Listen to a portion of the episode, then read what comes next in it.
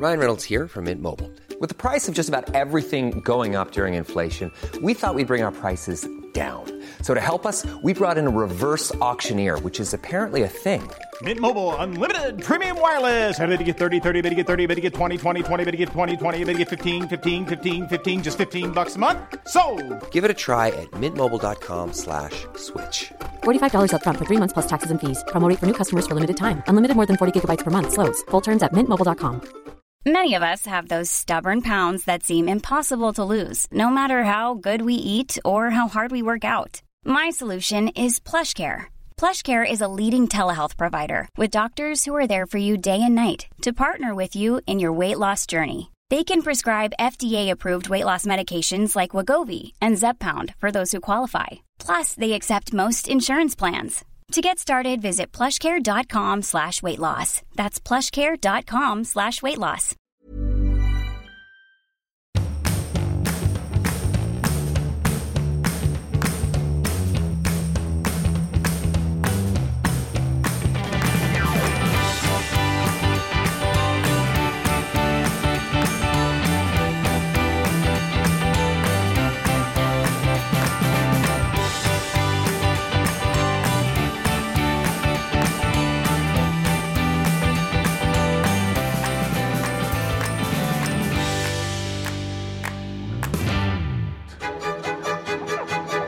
Success of a luxury cruise mainly depends on you. I don't want to hear anybody saying no. the sails. Do you think it's possible to wash them? I don't think that's possible, ma'am, because this is a motorized vessel, Yeah. so we don't have any sails. It was sails. Yes. Well, then, in that case, we will clean the sails. Yes. Of course. Yes. Hej och välkomna till Lille Lördag. Det ni just lyssnade på var Ruben Östlunds succéfilm Triangle of Sadness som vi nu ska göra kanske ännu mer populär. Jag såg ett litet halvbittert eh, inlägg från Ruben från helgen. Det känns som ytterligare en av alla sårade regissörer. Att han visade då eh, betygen från vad Danmark hade gett filmen. Ja. Och det var liksom bara stars, totalt liksom fem plus film. Och sen så fick man se då i nästa klipp vad svenska medier hade gett filmen. Och då var det mellan så här, ja, tvåor och fyror. Alltså det kom inte riktigt upp till den här nivån. Personligen så kanske jag är dansk i den här frågan. För det här var på riktigt kanske bland det bättre jag sett på flera år. Och du vet den här känslan man är uppfylld efter en filmupplevelse. Den, den ska man inte... Underskatta. Nej. Alltså, Jag, jag bara, förlåt, jag blev bara så full i skratt att det skulle vara så här. Ja, jag har inte blivit så uppfylld sen Åsa-Nisse och Klabbappan. Nej, men det det hade varit en riktigt risig film. Roligt. Sånt som man blev uppfylld när man var liten. Det har ändrat sig lite. Det har ändrat sig Ja. lite. Ja, men det är inte så ofta, alltså jag var ju på Utvandrarna, den var ju väldigt stark, men det var ju en Mm. så stark historia och den var så fin i och med att den att man pratade om liksom heder och främlingsfientlighet på ett väldigt, liksom, vad ska jag kalla det för, pedagogiskt Mm. sätt. Att förstå hur det är att vara invandrare. Man fick sätta på sig den Mm, liksom, kostymen och åka till Amerikat med liksom, Karl-Oskar och Man får gå på slavfälten med bomlen. Nej, men det jag menar är att dels tror jag så här, det är många filmer som är peda- pedagogiska nu för tiden. Ja, men för man, jag tror att men det det vi har pratat om, att den här publiken som är 20 plus, de är väldigt bokstavliga. Det är ju liksom Åsa-Nisse eller Jokkmokks-Jokke liksom humor. Eller liksom tydligheter i liksom all kontext, att man hela tiden måste...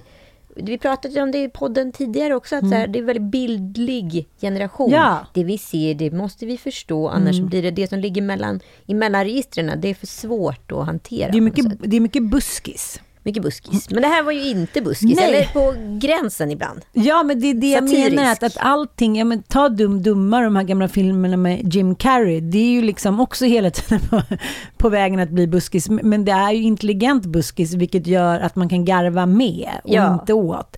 Men det som jag tyckte var så fascinerande var just det där som du menar, att man säger, gud, det här har jag faktiskt inte sett förut. Och eh, det är kanske för att vi har blivit äldre, eller också är att liksom allting är så likriktat. Men fan vad det är uppfriskande när någon på ett smart sätt kan göra prutt och kräkshumor. utan att Ah. det liksom blir buskis. Ja! Han är liksom hela tiden på liksom rätt sida, kan man säga så? Mm, Det går liksom aldrig över... Alltså jag kände mer med den här kvinnan liksom då under en stormscen på den här jotten, en rik opererad ryska, liksom far omkring på liksom mahognygolvet i sin egen avföring och kräks liksom och och liksom, det, det, det, den är så brutal den scenen, men den är ändå så jävla på rätt sida. Alla kan känna igen sig i den känslan. Du vet, man är riktigt jävla sjösjuk eller sjuk i kräkis eller whatever. Att det bara liksom gungar och snurrar och man förstår i det scenariot. Jag älskar ju valet man har placerat det här kammarspelet på, för det är ju trots allt ett kammarspel. Mm, en lyxyacht. Ja. a Russian capitalist and an American communist. On a $250 million luxury yacht. The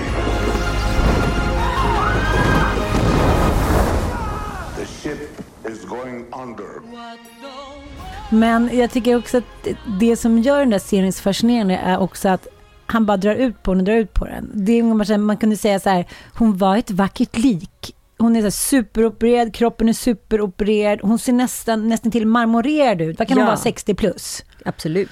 Och så ligger hon där då bara liksom, hon, liksom som en jävla ål, bara glider runt fram och tillbaka samtidigt som hon skiter ner sig och spyr. Och han har ju liksom inte sparat på så här prutt ur bajshåla närbilder heller. Nej, nej, nej, nej, nej, nej. Nej, jag, jag skulle beskriva det här för barnen och de blev ju så peppade så vi måste gå och se den där filmen. För ja, men det, det är faktiskt någonting som jag aldrig tidigare har sett. Nej, men det är ju det. Alltså, Det som jag tycker var så coolt är att Alltså som idag är man ju så utbildad i media på alla sätt och vis. Så du kan ju nästan alltid sitta och beräkna var saker och ting är på väg någonstans. Eh, men här har du faktiskt ingen aning om vad den nästa scen ska ta vägen. Hela liksom filmen börjar ju med ett scenario på en restaurang där ett par sitter och äter middag och liksom hon tjänar betydligt mer än honom, men det är alltid han som åker på att betala notan. Och till sist så väljer han att liksom ta upp det här med henne och det blir otroligt obekväm stämning. Eh, och hon tycker ju liksom att, så här, eh, att hon är feminist, men samtidigt när det passar henne så vill hon inte vara feminist. Då ska han vara liksom en gentleman. Och om det här liksom könsmaktsordningen och liksom, eh, vad ska jag säga, strukturen runt pengar är ju väldigt intressant i par. Det finns ju ingenting som är så plågsamt att prata om. Nej, och jag, jag, jag tycker att de gör det så bra för att man kan känna igen sig att å ena sidan, men å andra sidan. Och eh, hon är så tydlig i det att hon tycker som jag känner pengar, jag är cool, liksom, jag köpte den där skjortan till dig. Eh, hur som helst så blir det här värsta scenen. Eh, och just det här med pengar är ju fortfarande, sex kan man ju prata om, otrohet och krig och fan hans moster. Men hur man ska bete sig runt pengar, det, det är svårt. Och det här är ju en, en autentisk scen ur Rubens egna liv, som vi har berättat om innan. När han precis hade eh, träffat sin nuvarande fru och de hade liksom pratat om innan de gick till restaurangen. Han sa så här, ikväll vill jag att du betalar. Ja, ah, jag fattar. Så här. Ah, mm. Inte för att jag inte har pengar, men för att jag tycker att det känns bra. Liksom. Ja, men så här, I wanna be a modern man, eh, typ. Och sen när notan kom in så tittar hon ändå instinktivt bort.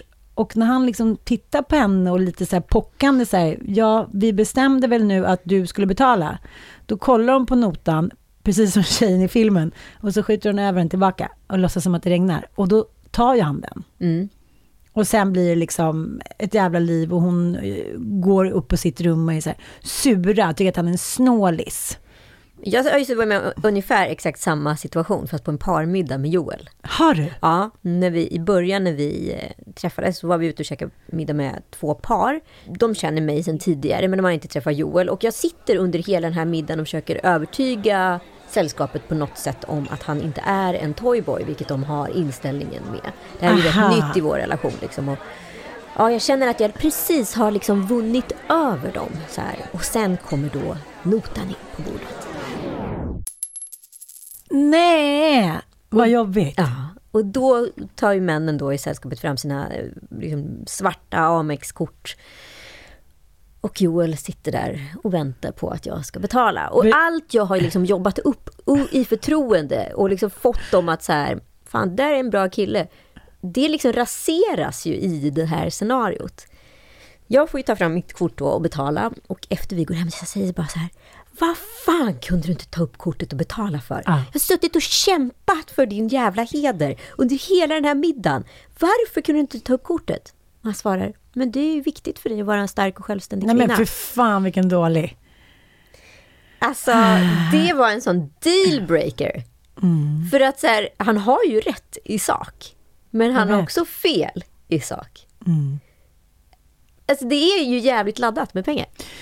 Så jävla intressant det där. Eh, Jag har ju liksom, med mina, mina vänner så har jag inga problem. Då tycker jag så här, men eh, man kan betala, man kan turas om, någon har lite sämre betalt.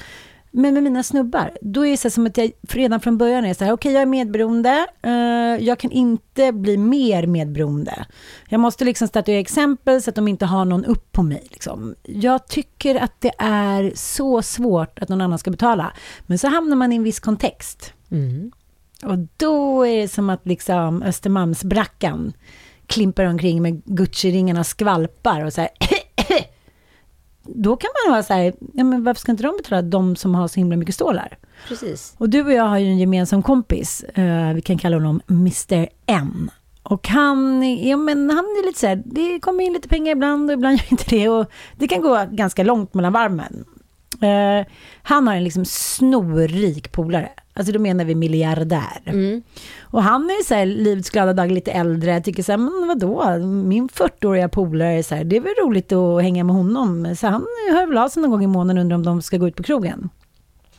Och då säger alltid eh, vår kompis då så här, ja men då bestämmer vi innan nu då, om du vill fläska på, vilket du brukar då behöver vi inte liksom hålla på och sitta, utan då betalar du. Att bara få det så uttalat, för vi har ju också liksom kompisar med väldigt mycket pengar. Liksom. Och den stressen det kan bli när det inte är uttalat, den är tusen gånger värre än att man säger så här, vet du, jag tar bara en pasta och så kan vi dela på en flaska vin. Den här är min värsta för att så här, eh, om man nu är ett gäng, jag kommer ihåg att vi var ett jättestort sällskap, det här är jättemånga år sedan, med liksom en sån här superriking. Och det fläskas på, det tas in liksom helrör på helrör, det tas in mat. Och själv har jag då suttit på mitt hörn och snålat för att jag vill inte liksom...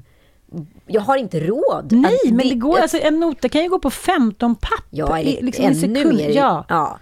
Eh, och det tas in kaviar och du vet, jag bara känner så här, börjar svetten lackar. typ. Jag, är så här, jag måste typ nästan avvika innan middagen är klar för att så här, jag har inte täckning på mitt kort för det här. Det är det jag menar, man har ju inte ens täckning. Nej, och då sitter jag och snålar och dricker något litet glas vin där och kan käka lite nötter liksom. Och egentligen vrålhungrig och vill ju bara äta såklart. Och sen så kommer notan in så här, vi splittar lika va, allihopa. Det blir Nej. så här 5000 spänn. Nej, men gjorde du det Ja men då? vad fan ska jag göra i den situationen? Ska jag säga så här, "Mm, ursäkta, jag åt bara nötter och drack ett vin. Då blir det ju så här, jag får ju skylla mig själv-läge. Ja, alltså grejen är att jag är också så här... Jag var alldeles för ung. Idag Jag hade jag nog fattar. sagt till. Men då var jag så här, fuck. Jag var i beroendesituation till de här människorna för det var Mm. eh, jobbrelaterat. Men det är också väldigt intressant hur liksom partyhatten så här skuttar på när man har lite bra. När det sitter lite pengar på kontot. Och det, det här var jag också med om bara för några månader sedan. Vi skulle gå ut eh, ett gäng tjejer. Och jag hade sagt så här, nu eh, liksom, jag kan inte, det var ju svindyrt, vi skulle gå på show och sova på hotell. Och jag sa, jag kan liksom inte fläska på, det kan inte kosta liksom, ja, la la la. Och sen skulle vi beställa vin och då blir liksom eh, att det ändå ska liksom beställas, när man redan har tagit du vet, en liten grögg, ett par glas champagne, så, vi är inte vinkännare. Nej men varför ska alltid någon då dra det på det där dyraste vinet? Ja. säga, ingen bryr sig efter klockan 11. Nej. Vi känner inga smaker längre. Vi Nej. är bedövade i munnen av alkohol. Precis, och ändå så här, men jag tycker, och så kommer notan in, så är det liksom ja, men tre gånger så mycket för att man skulle ha en flarra vin som gick loss på så här, två glada loppor istället för så här, dagens Liebframilch som man ändå inte liksom, känner skillnad på. Och eh, det finns ju en nonchalans i det här samhället. Mm, verkligen. mot människor som liksom inte vill eller kan spendera tycker jag. Och nu pratar jag såklart liksom att alla, man behöver ju inte gå på Sturecompagniet eller liksom sitta på Rish, jag fattar det. Men jag tycker överlag att det finns så här, vadå om du är med i leken får du leken tåla, så här, ha det bra typ. Ja men det där, den där attityden är så jävla förminskande och så blir det alltid så här, "Ah, hon vill alltid splitta notan, tjejen liksom. Det där tycker jag inte liksom, jag var ute nu i helgen med några tjejkompisar och där var det liksom inget knussel. De som åt, Ja. de betalade för det de åt. Jag älskar sånt. Och de, det var bara tydligheten Ja. liksom. Och då känner ju ingen sig lurad. Nej. Sen ibland kan det vara på en nivå när man säger så här, jaha, alla tog liksom en drink för 100 kronor, du tog ett glas vin för 80 kronor, och liksom, det finns ju alltid Ja. en. There's always one. Och det kan man ju göra mig så galen så att jag eh, kan gå därifrån. Ja. Men, men, men man måste ändå visa respekt för det också, att vissa människor, även fast de har pengar, de gillar inte att spendera, de tycker det är onödigt. Så att det är liksom superkänsligt, men jag tycker Ruben säger då att när de väl liksom på något sätt lyckades eh, spräcka de där barriärerna, för han sa så det handlar ju bara om att ni utnyttjar er skönhet. Mm. Nej, det är det inte alls. Det har inte med det att göra. Allt har med det att göra. Det är därför alla pratar om det sexuella kapitalet. Om det är ingen som bjuder mig på drink längre. För att man vet här, när man har det sexuella och det unga kapitalet, då behöver man inte betala. Nej. Precis.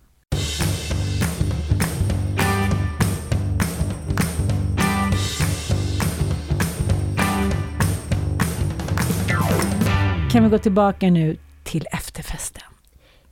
Vi kan, vi kan gå fram till efterfesten. Ja, vi, vill, vi för vi vill ju inte spoila filmen, vi vill ju verkligen Nej. att alla ska se den här filmen. Och det vi är inte betalade på något sätt av att folk ska gå på den här filmen. Vi bara otroligt, otroligt lyckliga efter den här filmupplevelsen. Mm. Jag, jag, jag, jag var liksom lycklig hela kvällen och dagen efter och jag var så här, gå och se den. Och en kompis till mig smsade mig igår, hon var så här, jag ska gå och se den idag igen. Ja.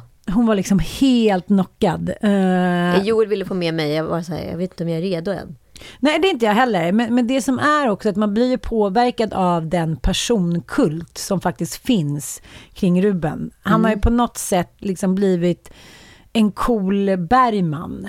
Eh, Ja men han är ju egentligen vad Bergman var liksom på 50-talet när han hängde med Palme och var med inne i klicken utav människor. Alltså det, det var ju liksom Harry Schein, alltså det var ju liksom en, en stor liksom, pulserande klick runt Bergman. Och man upplever att det här är liksom den nya tidens filmtid. Så att så här, ja, men vi pratade ju om det i förra podden, att allting upprepar sig själv på något sätt. Liksom. Cykliskt, och jag skulle säga att vi är precis där just nu. Liksom. Minus eh, Bergmans liksom, narcissism, svartsjuka och, och liksom, eh, patetiska kvinnosyn tycker jag. Eller vad vet vi? Vad vet vi? Vad vet vi? Hur som helst, eh, det var ju efterfest sen. Ja, jag smet ju hem, jag hade ju barnen. Det var tur att du hade kvar mig då på efterfesten. Ja, det vilken Ah. tur att jag hade min utsända reporter där. det hade du. Jag fakturerar extra för det. Nej, men jag var ju där med, med min kompis Ninni och min kompis Frida som är filmproducent och hennes brorsa, min eh, gamla, gamla, gamla kompis Johan Jonasson. Han spelar ju Marco. Ja, precis. Du I- älskar att berätta det. Nej, men för att det var så, jag måste bara berätta Ja. att det var så roligt. Dels känner han ju Ruben, Ja. eh, och liksom, eh, men dels så den bassen som det är kring den figuren hos ungdomar. Mm. Hej Marco! Alla så, tonårskillar bara skrek efter honom. Marco kolla hit! Tycker att han är liksom coolaste katten i stan. Men då blir det så här, ja, då var vi kvar där på Rigoletto och det var extremt mycket filmmänniskor. Ibland så känns det som att kanske de som anordnar vill blanda upp med lite, ja, influencers kanske och vanligt folk lite, men nu var det liksom bara film, film, film, film, film. Och alla ville liksom stå på scenen, även efteråt. Få en piece, piece av Ruben. ja, men då hände det som jag kanske aldrig trott ska hända. Vadå?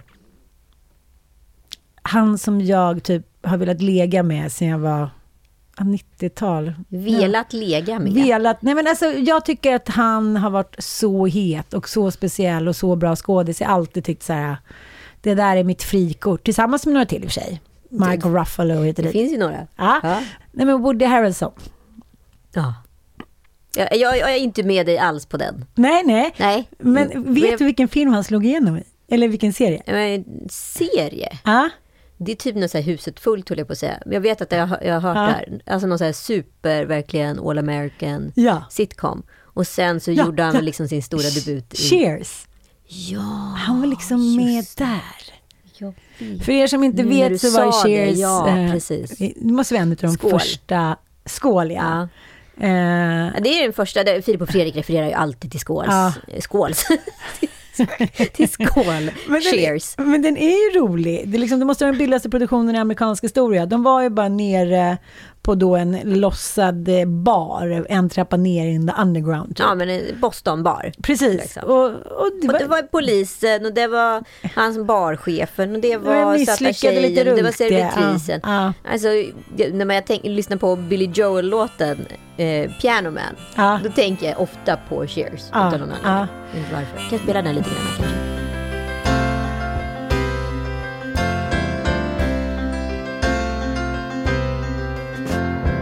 Nine o'clock.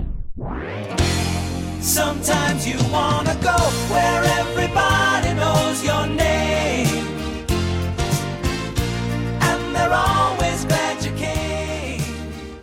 ja, väldigt allmänmänskligt beteende i alla fall på Cheers, eller skål. Ja, allt som liksom händer, fast ja.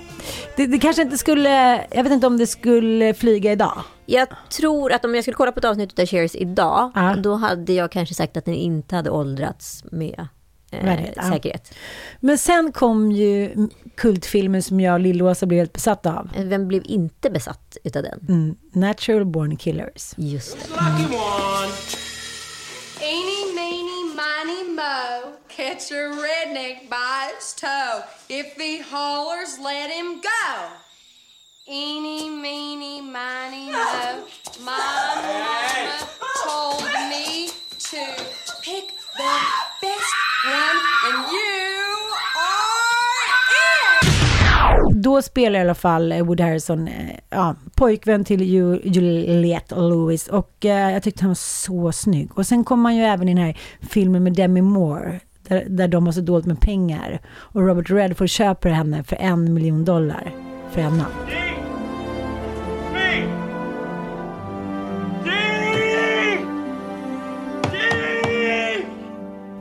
Den har liksom kommit lite i skymundan bakom Pretty Woman, för den här är ju faktiskt väldigt så här, den är ju väldigt, alltså det är ju väldigt mycket maktstruktur, Ja, ja. ekonomi kopplat till hierarki och så vidare. Men han är då på efterfesten. Hur känns det? Det känns uppiggande. Och Frida då och Johan går ju fram till honom och eh, ska ta bilder hit och dit och jag är med där. Men jag bara kände så här, nej, jag, jag, jag får stå kvar här. Jag vill inte ha det på bild. Förfallet. Att jag inte längre lever på 90-talet och att han är 61. Ja, men lite farfars Han ser ut som en Ja. liksom, han har ju också den här, han är väldigt små drag. Ja, och med, med tiden blir det ingenting. Med tiden ser man tillbaka ut som en bebis igen. Ja, han har lite så här, heathen faithen, en jättebebis i salongen. Och så har han ju också så här, rätt korta tänder. Så han får ju liksom lite det här delfinleendet. Gud vad hemskt. Ja, förlåt. Men ja. du förstår vad jag menar. Ja. Alltså det blir mycket, alltså det blir Ja. väldigt bebisgulligt. Precis. Han är li- gullig liksom. Mm. Han är inte Och- sexig. Också, också lite glansig, ja men av olika orsaker. Så lite så här, en hal, lite övergödd delfin som klappar omkring. Och så tänkte jag, åh vad gullig. Men då tänkte jag så här, nej man ska inte se sådana där snubbar, man ska inte se dem i verkligheten. Nej, ska De ska vara där på liksom vita duken. Och då var det så här, jaha. Ja, Men det var som att han tog ner lite galastämningen när han... det var inte hans fel, men då tänker jag så här att män är bäst på bio. Det är väl oftast uttryck. Ja. så att män är bäst på bio. Ja, men, men ja. Och sen gick vi vidare på ännu en efterfest på Scalateatern som Henrik Dorsin, han är delägare i den. Och jag måste säga Henrik Dorsin, han har ju en av huvudrollerna. Jag var lite så här, undrar hur det där går om han ska köra en kuplett i bakgrunden, men med den äran alltså. Verkligen. Riktigt bra roll, typ lite så här incel som hade blivit dumpad av någon tjej och så här tacksamhetens 2000-talsman så här, vadå, ville ni prata med mig? Åh, så snällt, vill ni ha en Rolex? det var väldigt, väldigt roligt. Och eh, ja, men eh, och där gick han också omkring och jag försökte liksom hela tiden vända bort blicken. Jag ville liksom inte... Så nu försöker jag jobba tillbaka. Vadå, du blev generad utav Henrik Dorsin? Nej, Woody. Jaha, Woody. Jag ville liksom inte att farfar skulle gå på efterfesten. Jag ville att farfar skulle gå hem och sova. för du skulle bli distraherad i din liksom, upplevelse av honom då. Ja. Vad väckte det för känslor? Varför blev det så jobbigt då? Jag vet inte. Dels handlar det väl liksom ens, om ens egen dödlighet på något sätt. Att så här, ja, om han ser ut så där, då kan inte jag se ut så där. Som Juliette Lewis 91 liksom. Och dels handlar det om att så här, det finns ju någon sorg i när väldigt snygga eller sexiga människor blir äldre. Liksom jag erkänner det. Ja, det är så här, ja men som Marilyn Monroe, hon är ju för evigt ung då, men det finns ju en anledning till att så här, Garbo höll sig undan de sista 20 åren av sitt liv. Att här, när man har varit så där uh, ikoniskt vacker. Men det kan du väl inte säga att Woody Harrelson har varit? Ja, det är sant. För mig var han det. Det är bara i ditt huvud. Nej, men det vet, jag tror att det är det. Så att män som inte är tvålfagra, män som inte är Richard Gere eller, liksom, eller Robert Redford, utan har den där äh, lite quirky sexiness. Och sen blir de gamla, då är det ju bara quirky kvar. Mm. Och det blir så tydligt, förstår du? Man kan inte liksom vila mot sina vackra lagrar. Liksom. Jag kan ju fortfarande titta på Richard Gere och känna så här, okej det är grått, eh, det är lite gammalt, men det är still sexy. Ja, det är ju inte Brad Pitt som står där liksom. Nej, eh, nej, så det var så det här var ju en liten liksom, nej vet jag tänker på när Pelle Pelikan, vad heter han, den här med en liten hatt så här. Palle Kuling. Det var så roligt för jag var tvungen, efter vi gjorde det här avsnittet om eh, min stora kärlek på Vargön, var jag tvungen att googla honom. Men alla har kanske inte lyssnat på den här podden. Jo, vi förutsätter allt. Alla har lyssnat på den här podden. Det här var Anitas stora kärlek eh, under högstadiet. Marinbiolog var han. Nej, det var han Nej, inte. Han var, han var fältbiolog. han var fältbiolog.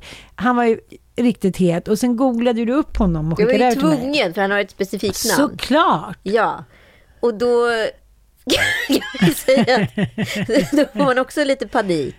Att så här, du vet man Ja. har en bild av så här, Mm. en prins Valiant Mm. liksom.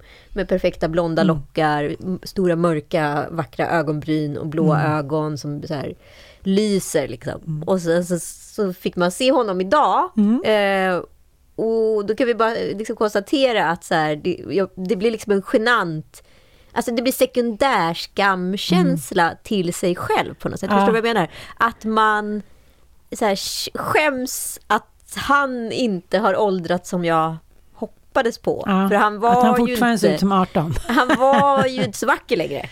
Och då kände jag skam för att jag hade varit så kär i honom. På Jaha, men du kände inte skam för att du kände så här, fan vad ytlig? Nej, absolut inte, inte det minsta.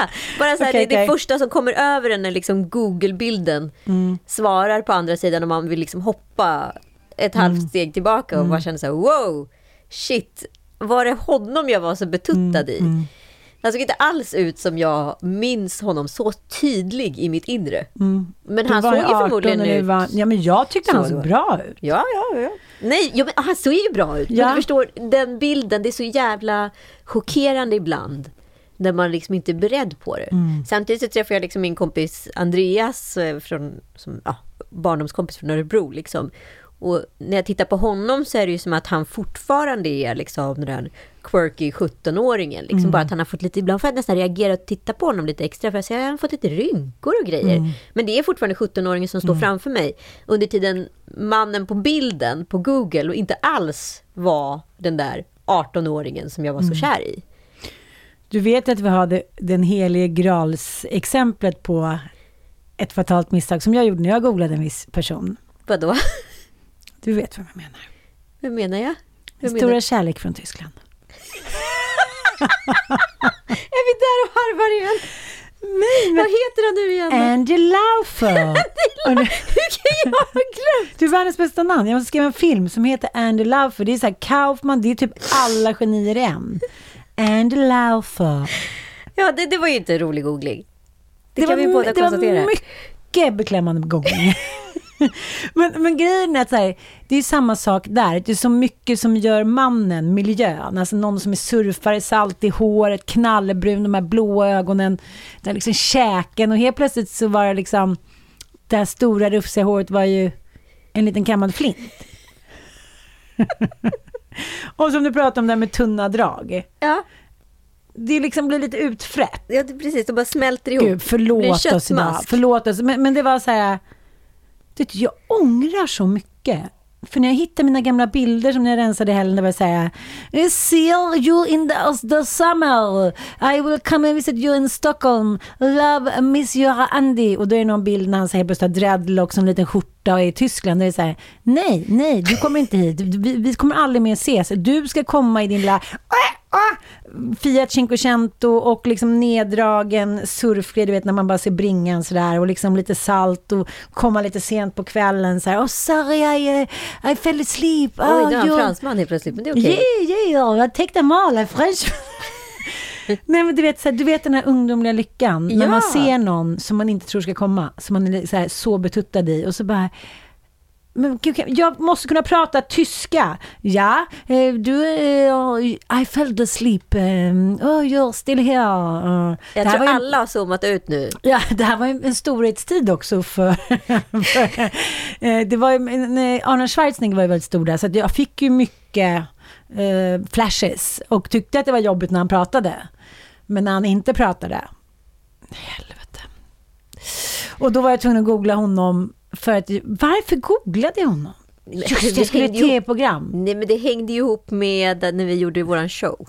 Just. Att vi skulle ta fram våra gamla så här, frikort som sen inte hade åldrats så bra. Så det, det är ju en stående punkt i den Ja. här poddens repertoar. Och vet du varför jag kan sitta och prata så här? Nej. Menar den du enda dålig tyska? nej, den enda anledningen till att jag kan sitta och prata är att jag vet att det sitter några snubbar och pratar på exakt samma sätt som oss. Ja, ja, gud ja. Jag såg henne nu, en så här, gud, så här, tant, så här, fembarnsmorsa, med så här, lite grått hår och så här, fan! Eller? Ja, ja absolut. Någon som säger så här, gud han har blivit så jävla tjock.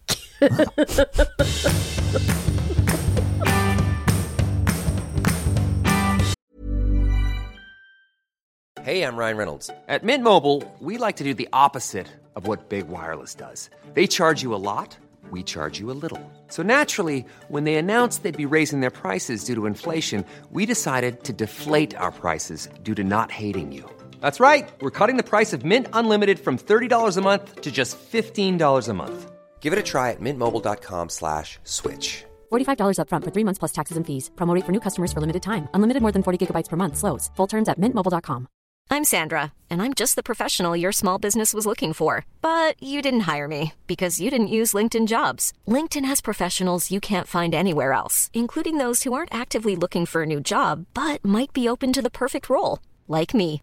In a given month, over 70% of LinkedIn users don't visit other leading job sites. So if you're not looking on LinkedIn, you'll miss out on great candidates like Sandra. Start hiring professionals like a professional. Post your free job on linkedin.com/people slash people today.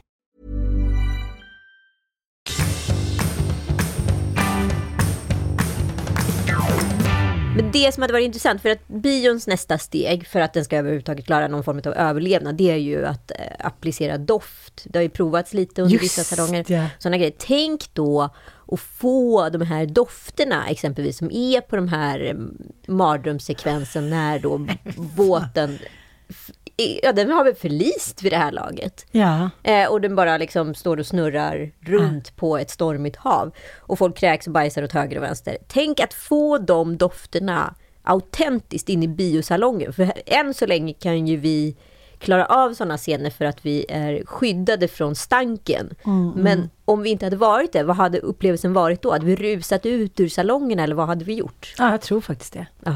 Alltså, vi i den här moderna världen, eh, vi privilegierade eh, satar, hur ofta känner vi och dör det längre?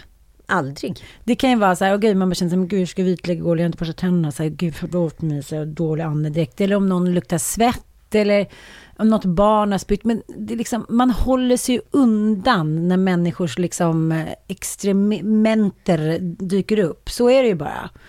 Och minsta lilla doft, är bara så nej men gud, som jag till barnen säger, du luktar lök, du luktar lök. Eh, alltså jag får ju nästan panik när någon luktar svett hemma Mm. hos mig. Liksom. Och du har också fem män. Precis, så att, eh, men sen så har jag insett någonting som har kommit i efterdyningen av corona och elkrisen. Mm.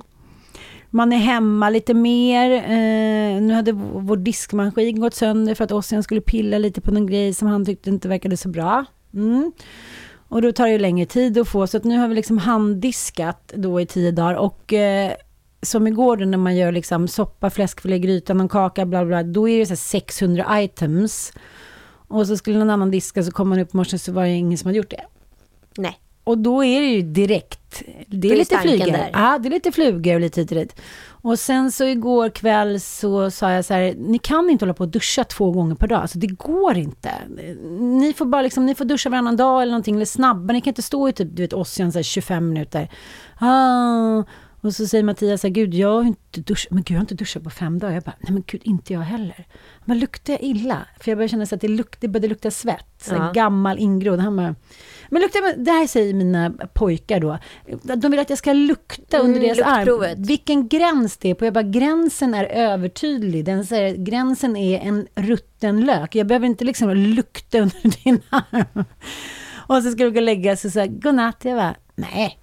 Du, löken kommer inte ligga i, i löksängen, utan så här, du går upp och duschar. Och säga vad man vill, men alltså min far och i rakt nedstigande led, mina män, är liksom duschnymfomaner. Alltså de är besatta, det är det enda de ska göra, duscha. Även fast de har duschat innan Nicolas så ska de upp till någon väckelsegrej tror jag. Så här, nu är det på gång, nu är det fräscht, hör hör. Det är ju det franska, att man duschar på kvällen då. Innan man går och lägger sig för att man ska vara fräsch till man har sex. Aha, det gillar jag. Då blir håret också lite luffelelle. Ja. Så då kände jag att det var nog första gången som jag kände ens att han luktade. Och så skrev jag det på Instagram och då var det flera som var så här, då skrev jag så här, det luktar som så här 1600-talet i Gamla stan. Precis. Och då var det flera som sa, det gör det här hemma också, jag precis snackat med tonåringarna hit och dit. Och då var jag ju tvungen att googla lite. Mm, och då googlade jag 1600-talet i Gamla stan. Mm. Och då kom ju Peppe Englund i vanlig ordning upp. liksom, alltså, Det är en otrolig text. det är en otrolig text eh, som han har skrivit och eh, ja, För att det är ju väldigt relevant. Hur luktade det förr i tiden? Stank Mm, folk jättemycket? Eller var man liksom immun doft ifall alla luktade lika mycket? ja, det vet vi ju inte. Ja, men det var tydligen enligt honom då så var det ju 1200-talet var ju en renlig tid. Sen 1200 var- 1300-talet, ja, ja. och sen kom ju då kristendomen in och då Mm. började man bli lortig igen. Och människor, och sen kom ju liksom att städerna skapades och folk bodde trängre. Och med det så kom Det fanns ju ingen sophantering. Nej, det fanns ingen sophantering. Stanken kom med människor och städerna och liksom... Men i Gamla stan så, så hä- hällde man ju bara ut soporna från övre våningen. Så gick det grisar och bunkar. Så att liksom, Alltså, du vet att den högklackade skon, den kom ju från den tiden för att du inte skulle behöva ta del av ja, det du gick på på gatorna. Helt sjukt. Men jag tycker också det är intressant att så här, om man tar Frankrike, de hade alltså 1600 allmänna badinrättningar Mm. när Louis de XIV dök upp som var livrädd för vatten. Ja men gud, Ah. han håller på, han håller nästan, han blir sjuk första gången han badar i sitt Ah, liv. ah. Och sen så andra Dödssjuk. gången han badar så är det en stor liksom, procedur runt omkring det här. Men han Mm. nästan inte doppa klart kroppen för att då får han någon form av blodtrycksfall. Och då får han avbryta det här badet. Men tänk så här bara krama och ligga sked med typ någon som inte har liksom badat eller duschat på åratal. Det är så här, lägg mig hellre i en stor dynghög och så kan jag gosa där. Och andedräkterna, du vet, de hade ont i tänderna. Du vet ju själv när man har ett hål i tanden, hur man bara så här... Och Noppedoni, det måste varit liksom flänsosfest över hela Versailles. Nej, vi, ska vi bara inte tänka på det kanske? Ja, men jag tycker det är så intressant med boken Parfymen, eh, som är för övrigt helt otrolig. Om man inte har läst den, så, så gör det. Jag ska liksom. läsa om den. Ja, den är ju... Patrick Sysgend. Ja, Mm. och den här karaktären då, parfymeraren, som liksom inte har någon doft. Mm. Genialisk idé. Genialisk idé. Och Mm. Där alla liksom stinker och luktar åt olika håll. Och Mm. Han har också fått en näsa så man känner doft väldigt tydligt. Mm. Det är därför han blir parfymör. Och då har han insett att de som doftar godast är oskulder. The Virgins. Och hur kan man spara denna doft? Ja, ni får helt enkelt läsa boken så, eller se filmen så kommer ni förstå innehållet. Men jag, det är ju liksom, jag var ju så chockad i början när jag träffade Joel för att han har ingen doft. Det finns ingen som doftar mindre än... Han är, doftlä- han är parfymen. Han är parfymen! Men det är väl en autistgrej att man inte doftar? förlåt, förlåt. Usch, jag vet inte vad jag är på för humör idag. Ni får förlåta mig, jag är inte en god människa. Även solen har fläckar. Nej. Oj, oj, oj. Nej, men vissa människor doftar ju mycket, mycket mindre. Han har liksom ingen doft. Och du vet, jag kan ju nästan bli så här, gå igång på honom när jag känner att han kommer från gymmet och luktar minimalt med svett. Ja, men den där lilla, liksom, den där lilla manssvetten är ju äggande. Ja men alltså det, det är ju testosteron i den, så det är klart att det skapar någonting hos oss kvinnor. Och vi, alltså, vi väljer ju våra eh, partners genom ett enda ställe på kroppen. Vet du vad det är? Näsan. Precis bredvid näsan. Här sitter nämligen små doftreceptorer. Och dof, upplever vi då att vår partner doftar gott där, då är det en bra match. Men jag vet inte, jag måste ju gå och kolla min näsa eftersom jag, jag tycker inte jag känner några dofter längre. Men det där är ganska intressant. Vissa människor som sprutar på sig parfym i början av kvällen och doftar hela kvällen.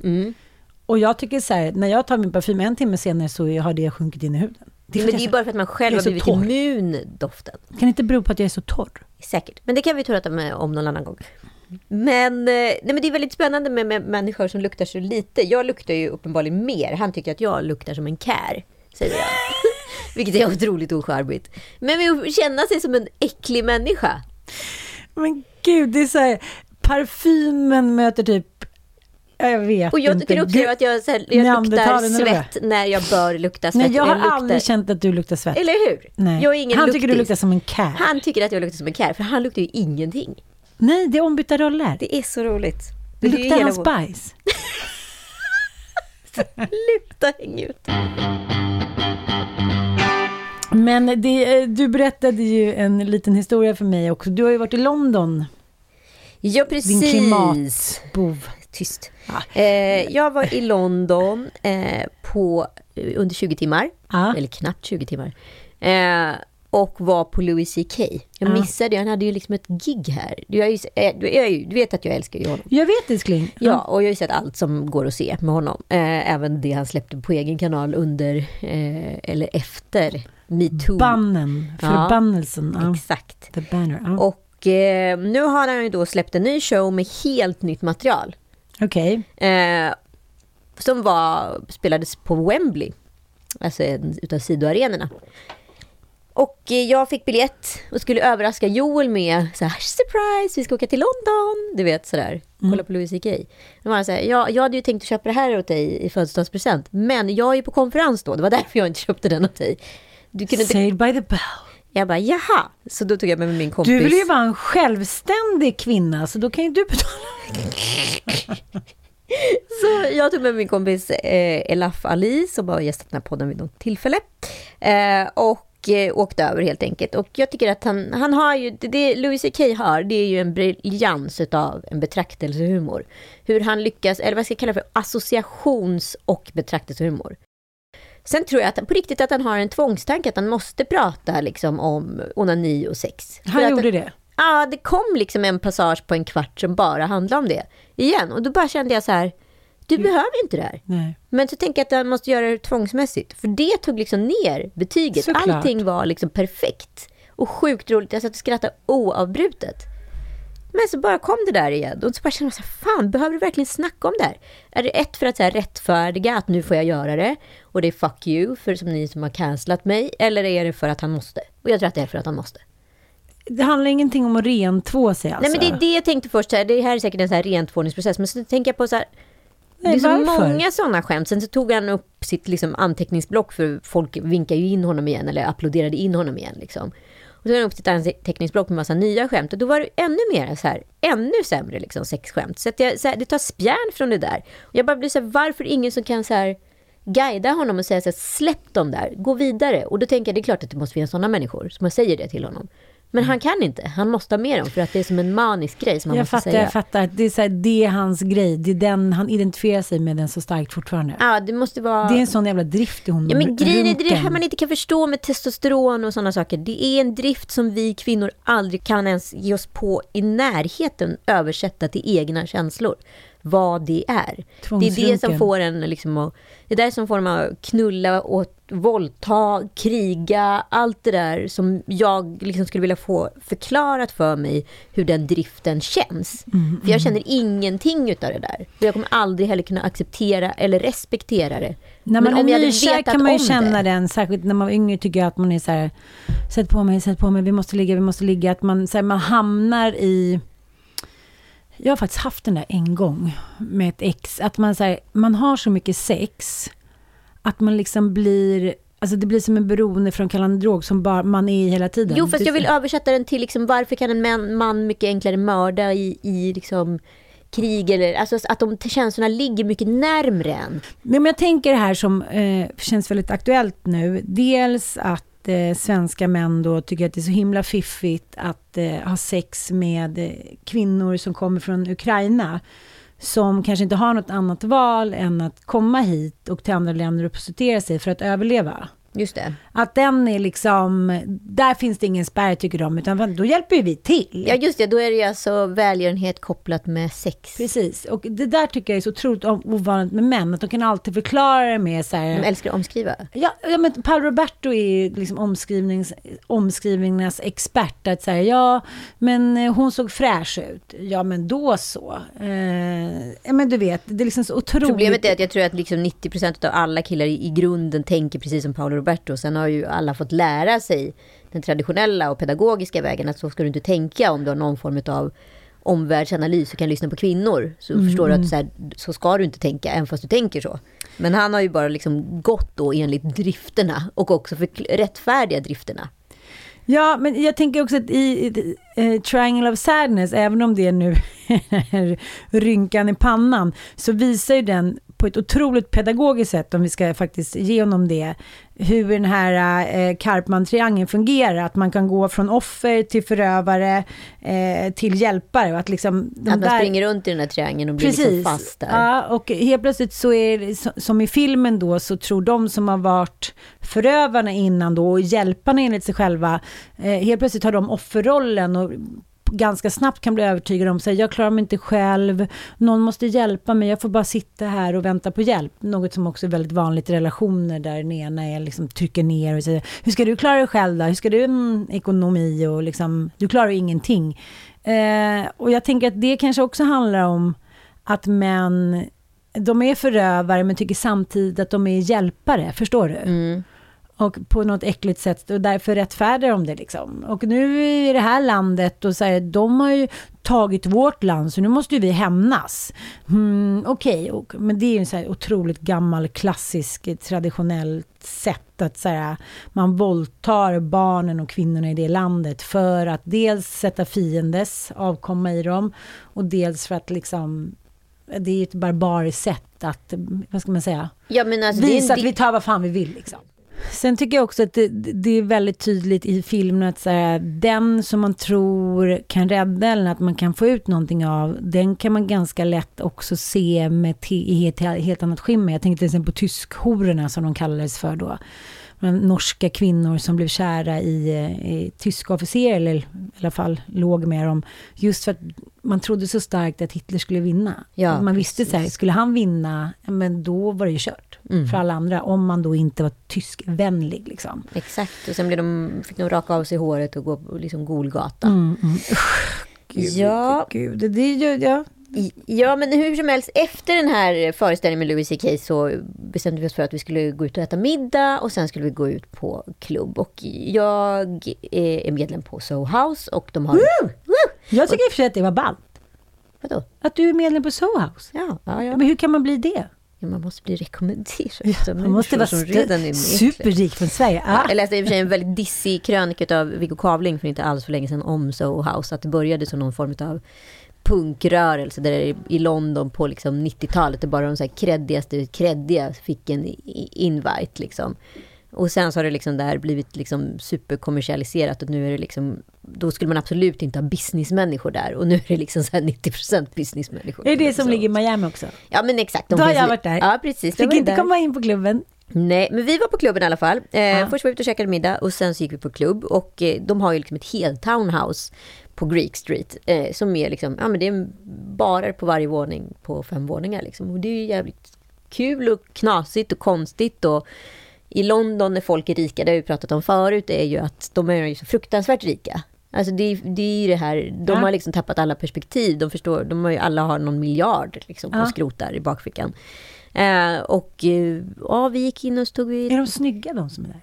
Några är ju snygga. Ja. Några är bara liksom, men de är ju inte som så här, alltså om du åker ner på Stureplan rikingar som tycker att de är, de är ju liksom vräkiga och Inga stekare. Nej men... Är det Hugh Grant? Nej men nej, det är inte det heller. Alltså, så här, jag vet inte riktigt vad man ska säga. Det är mycket, I och med att London är en sån internationell playground Ja. för rikingar. Ja. Så är de ju från alla världens länder. Ja. Så det kan ju lika gärna vara en, liksom en japan som en kuban, höll jag på att säga. Och alla är liksom där på något sätt. Eh, Och vi är precis på väg och ska gå från en bar till en annan. Så kommer en skitsnygg liksom nordindisk kille. Och nordinder är rätt långa, liksom, så han är ju liksom en 85 plus, skulle jag säga. Det var han du skickade på bild. Ja, precis. Ja, ja. Han kommer fram till mig och Laff eh, och eh, är så här, tja tjejer, vad gör ni här? Liksom, var kommer ni ifrån? Vi, vi är bruna, han är brun, Ja.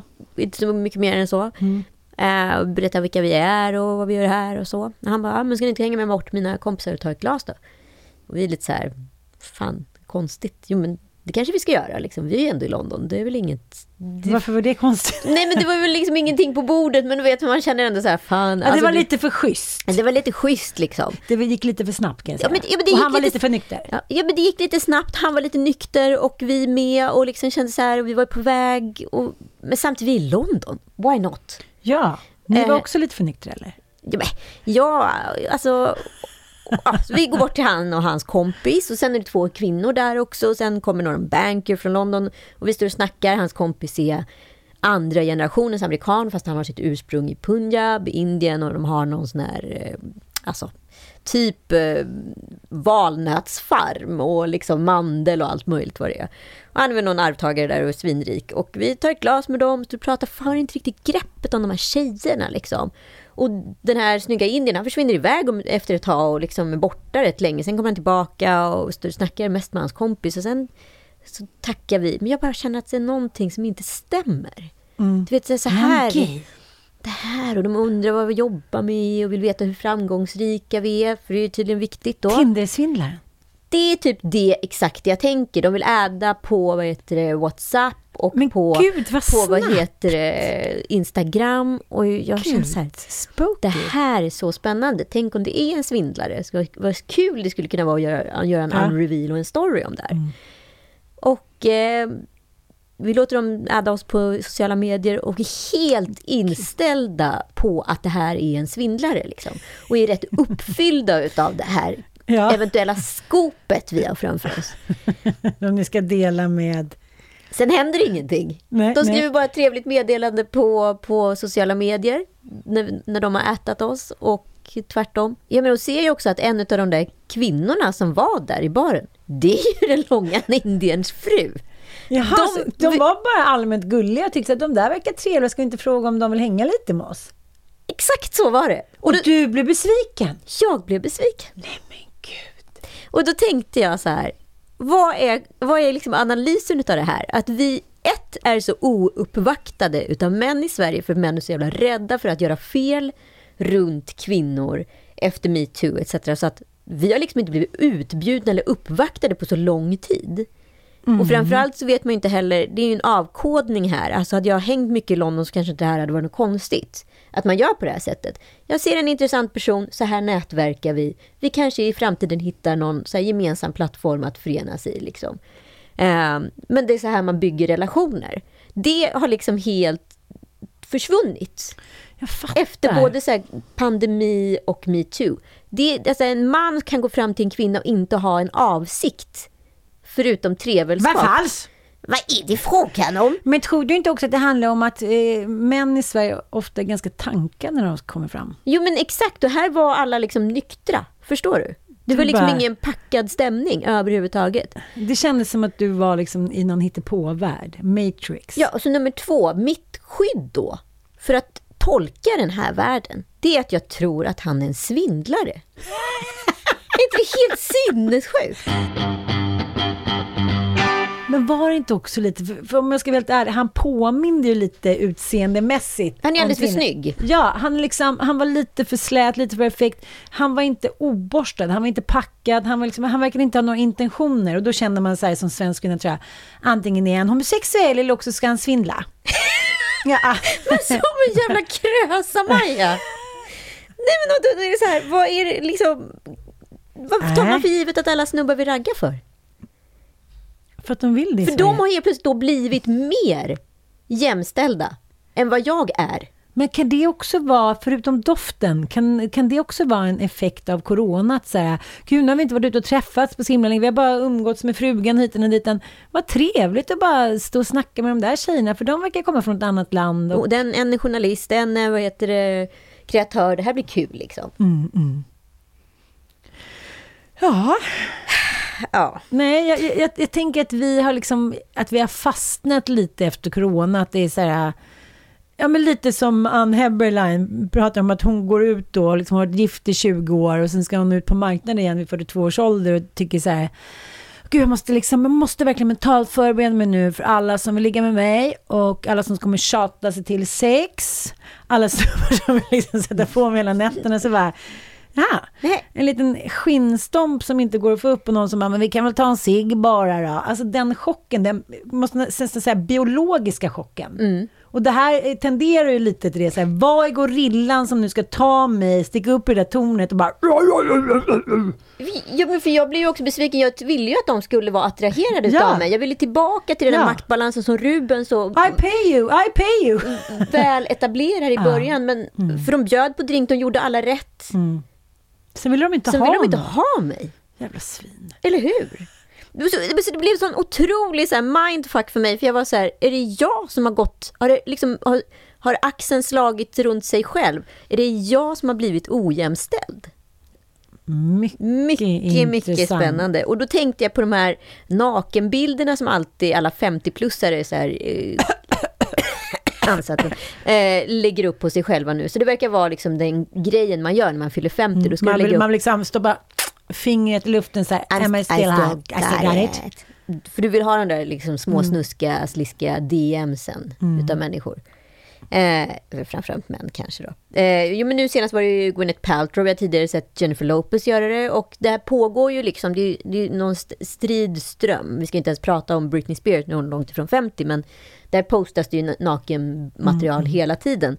Och den här visuella effekten utav det är ju så spännande. Jag la upp en, för första gången en rätt lättklädd bild på mig på, för första gången på länge. Och, och då får man ju en helt ny eh, liksom, Följarskara. följarskara.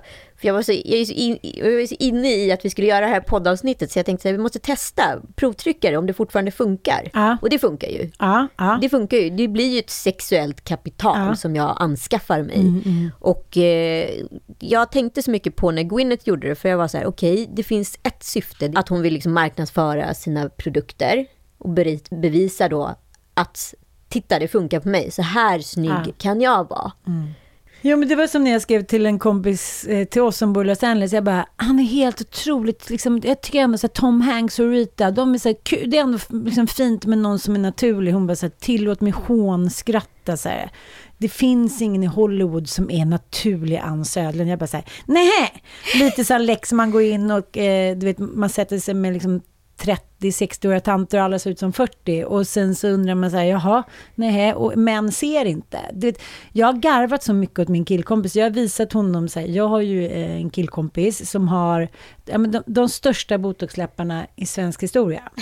Och liksom jag säger, ja, så satt vi och pratade och han bara, nej, det tror inte jag. Jag var så här, nej men har påven en, liksom, fått en liten fes på huvudet. På, det- liksom, sluta. Nej, han skulle ändå kunna vara typen med så här, köttiga läppar. Jag bara, nej men det är skillnad på köttiga läppar och botoxläppar.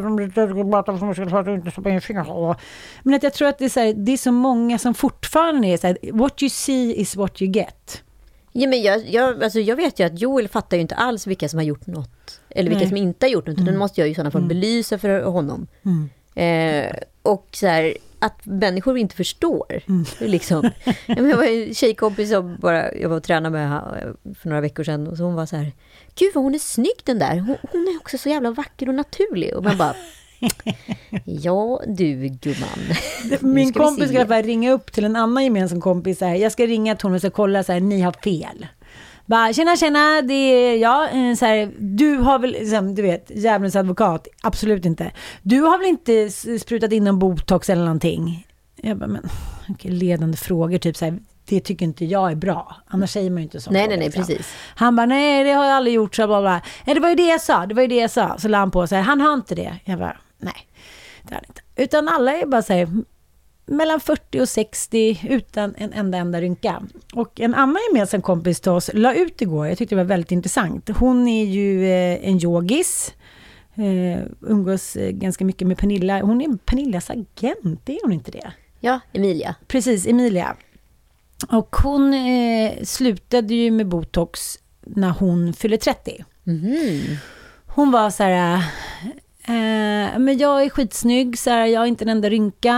Men hon började ifrågasätta, jag vet inte om det var precis då hon slutade, men hon började liksom Ja, men hon, hon beskrev lymfsystemet, liksom, som får jobba väldigt mycket när man har gift i kroppen. Hon beskrev liksom hur man ska, hur hennes dotter började växa upp och så här, mamma liksom, såg ut som tio år gammal. Ja, men du vet. Så hon har slutat. Och jag vet inte om det var tre, fyra år sedan. Och sen så visade hur hon såg ut nu, när hon var 39. Med liksom en, en vanligt rynkig panna som folk i stort sett inte har längre. Liksom. Nej, just det. Och att man, hon sa det, jag kollade med spegeln, hade inga drag. Men hon sa det har ju inte varit lätt. Nej. Det har inte varit lätt att röra sig med de här människorna jag rör mig och liksom se ut som en vanlig kvinna i 40-årsåldern. Nej, men precis. Hon säger jag tampas med det varje dag. Jag går har ju inte morgonen. fyllt på någonting nu på Nej. ett år. Eh, och eh, jag kan ju inte säga att jag saknar det. Nej, nej. Sen kan jag bli lite stressad ibland när jag ser att min panna är lite rynkig. Och så tänker jag så här, är det så farligt då? Din panna är väldigt slät nu. Ja, eh, och det är ju lite sjukt att man så här, går in på en salong och sen så får man några stick och sen så är man slät i pannan. Mm. Det är liksom lite för effortless ibland känns det som för att man inte ska bara säga ja ja, who cares. Det vill bara göra då. Men det är som du säger, när man låter det gå ett halvår, åtta månader, vad då är det så himla farligt då? Jag vet inte, jag bara så här, det är olika läror hela tiden. Någon säger liksom, det är ju ett nervgift du sprutar in. Eh, dels påverkas lymfan, men det är också så här, hjärnan som är full av fett. Den absorberar ju också gift. Men å andra sidan så tänker jag på all alkohol man sätter i sig. Liksom, det är ju också ett gift. Det är ju liksom, det är så mycket gifter vi tar in i oss. Jag tog någon festsig för ett tag sedan. Eh, Ja, men alltså, det är ju också ett gift. Alltså, man, Det är ju därför vi, vi eh, blir sjukare och vi dör tidigare. Ja, såklart. Så det spelar ingen roll egentligen på det stora hela då hur slät panna jag har när jag ändå kommer dö i förtid. För alla andra gifter och inklusive kanske skönhetsgifter jag sätter i mig. Det blir i alla fall ett vackert lik. Sant. Kan vara värt det. Tack för att ni har lyssnat och eh, tyck gärna till om det här. Det är ju inte helt lätt alltså. Men jag pendlar alltid. Jag tycker så här, alla människor har möjligheten och friheten att göra precis vad de vill. Och vill man förändra sitt utseende, förädla sitt utseende, whatever, då får man ju göra det. Mm. Eh, just nu är jag i en fas i livet där jag inte är så sugen på att förändra och förädla. Jag har ju redan gjort det vid Mm, flera mm. tillfällen. Men jag kanske ångrar mig om ett tag och känner så här, Mm. nej, nu tycker jag att min panna ser för jävla trist ut igen. Mm. Så då kanske jag gör det. Ja, men som du sa i förra podden, att allting är ju cykliskt. Det är ungefär samma trender, samma typ av människor. Eh, ja, men, eh, ja, men allting går ju i cirklar liksom. Jag tänker på 1700-talet när syfilisen härjade fritt och man allmänt då, som vi pratade om tidigare, kanske inte var så rena och hela och fräscha. Då blev det helt plötsligt väldigt modernt med det vita pudersminket. Mm, just det. På både kvinnor och män. Och den lilla muschen, munnen och så skulle man ha en liten ditritad leverfläck och de här rosiga kinderna så man nästan blev en karikatyr. Och det är väl det vi är nu av vårt eget utseende. Vi är en karikatyr, så som vi egentligen inte ser ut. Ja, men man, man förstår ju, vissa som är så otroligt fixade, de, de, de har ju liksom ett tredje utseende. Ja. De, är inte, de imiterar ju inte varken människor eller liksom skönhet eller någonting. Nej. De har bara blivit ett tredje utseende. Och när man då har checkat in i det tredje utseendet utan att nyansera någonting runt omkring, är man då också doftfri? Det tredje ut, utseendets förbannelse.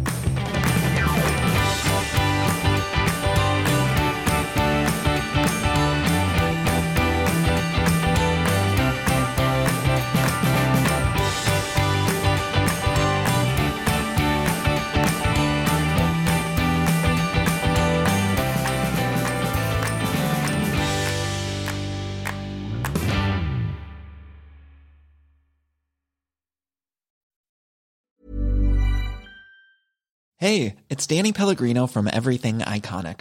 Ready to upgrade your style game without blowing your budget? Check out Quince. They've got all the good stuff shirts and polos, activewear, and fine leather goods, all at 50 to 80% less than other high end brands. And the best part? They're all about safe, ethical, and responsible manufacturing. Get that luxury vibe without the luxury price tag. Hit up quince.com slash upgrade for free shipping and 365 day returns on your next order. That's quince.com slash upgrade. Mom deserves the best, and there's no better place to shop for Mother's Day than Whole Foods Market. They're your destination for unbeatable savings, from premium gifts to show-stopping flowers and irresistible desserts. Start by saving 33% with Prime on all body care and candles. Then get a 15-stem bunch of tulips for just $9.99 each with Prime. Round out Mom's menu with festive rosé, irresistible berry chantilly cake, and more special treats. Come celebrate Mother's Day at Whole Foods Market.